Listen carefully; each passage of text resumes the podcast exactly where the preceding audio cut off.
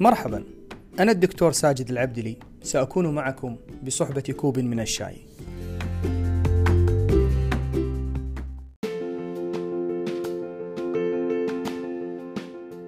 أسعد الله أوقاتكم بكل خير.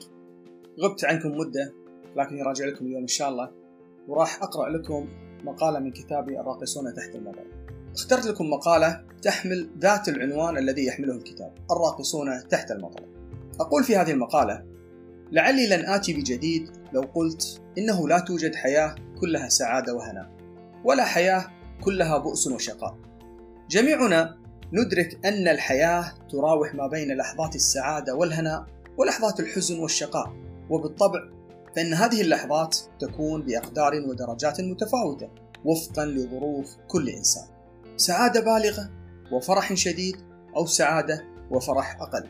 ما أعنيه هنا أن ما قد يراه أحدهم من دواعي السعادة قد يكون بالنسبة إلى شخص آخر أو ربما لذات الشخص في ظروف وملابسات أخرى من دواعي الحزن والشقاء. وكمثال تبسيطي إن المال الوفير قد يكون على الظاهر مبعث السعادة والهناء لكنه قد يكون في المخفي باعثا للحسد والهم والغم وهكذا. لو عاد كل واحد منا في هذه اللحظة بذاكرته إلى صفحات حياته الماضية لوجدها راوحت ما بين الشيء ونقيضه الأعلى والأسفل بين القمم والوديان بين الأيام المشرقة والأيام العاصفة الماضرة. فالحياة ليست سوى لحظات سعادة ولحظات حزن ولكن لم يكن لشيء من هذه اللحظات أن استمر أبدا.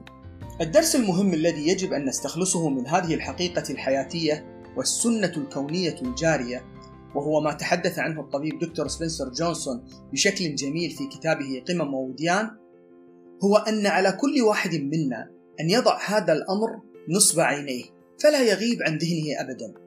مراوحة الحياة ما بين الأعلى والأسفل تشبه مراوحة القلب ما بين الانقباض والانبساط تماما. هي ضرورة من ضرورات الحياة أن ينقبض القلب وينبسط كي يستمر ضخ الدم في أوصال الجسد الحي. ولو ظل القلب على حالة من الحالتين انقباضا أو انبساطا لتوقف جريان الدم في شرايينه وأوردته ومات. وهكذا هو أمر الحياة. يمر الواحد منا في لحظات الرخاء والسعادة والفرح وفي لحظات الشدة والضيق. وذلك حتى يستريح ويهنأ ويتذكر نعمة الله عليه في لحظات الرخاء والسعادة والفرح ويشتد عوده ويتعلم الدروس ويكتسب الخبرات ويحتسب الأجر من ربه الغفور الرحيم في أوقات الشدة والضيق. الدرس المهم الثاني هنا هو ألا يركن الإنسان إلى التبذير والتهور والكسل والخمول في أوقات الراحة والرخاء، بل أن يظل متذكرا طوال الوقت أن الدهر يومان ذا أمن وذا خطر، وأن العيش عيشان ذا صفو وذا كدر كما قال الشاعر.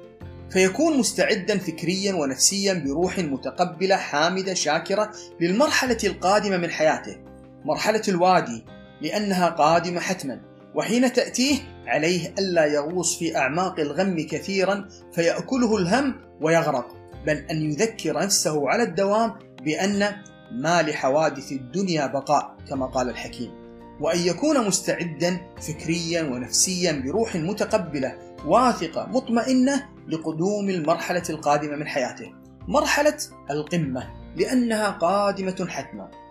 تقول فيفيان جرين الكاتبة والمتحدثة الأمريكية ليست الحياة أن نقضيها في انتظار مرور العواصف الماطرة بل أن نتعلم الرقص تحت المطر.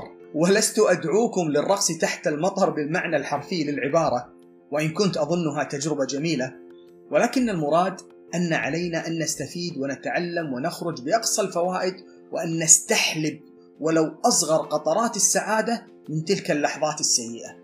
تحيتي هنا لكل المتعالين على آلامهم وهمومهم أولئك الرائعين الراقصين تحت المطر.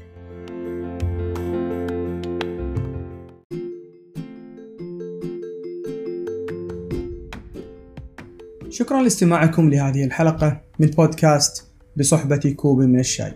اشتركوا في هذه القناة لتدعموا استمرارها وحتى أكون بكم من الأغنياء.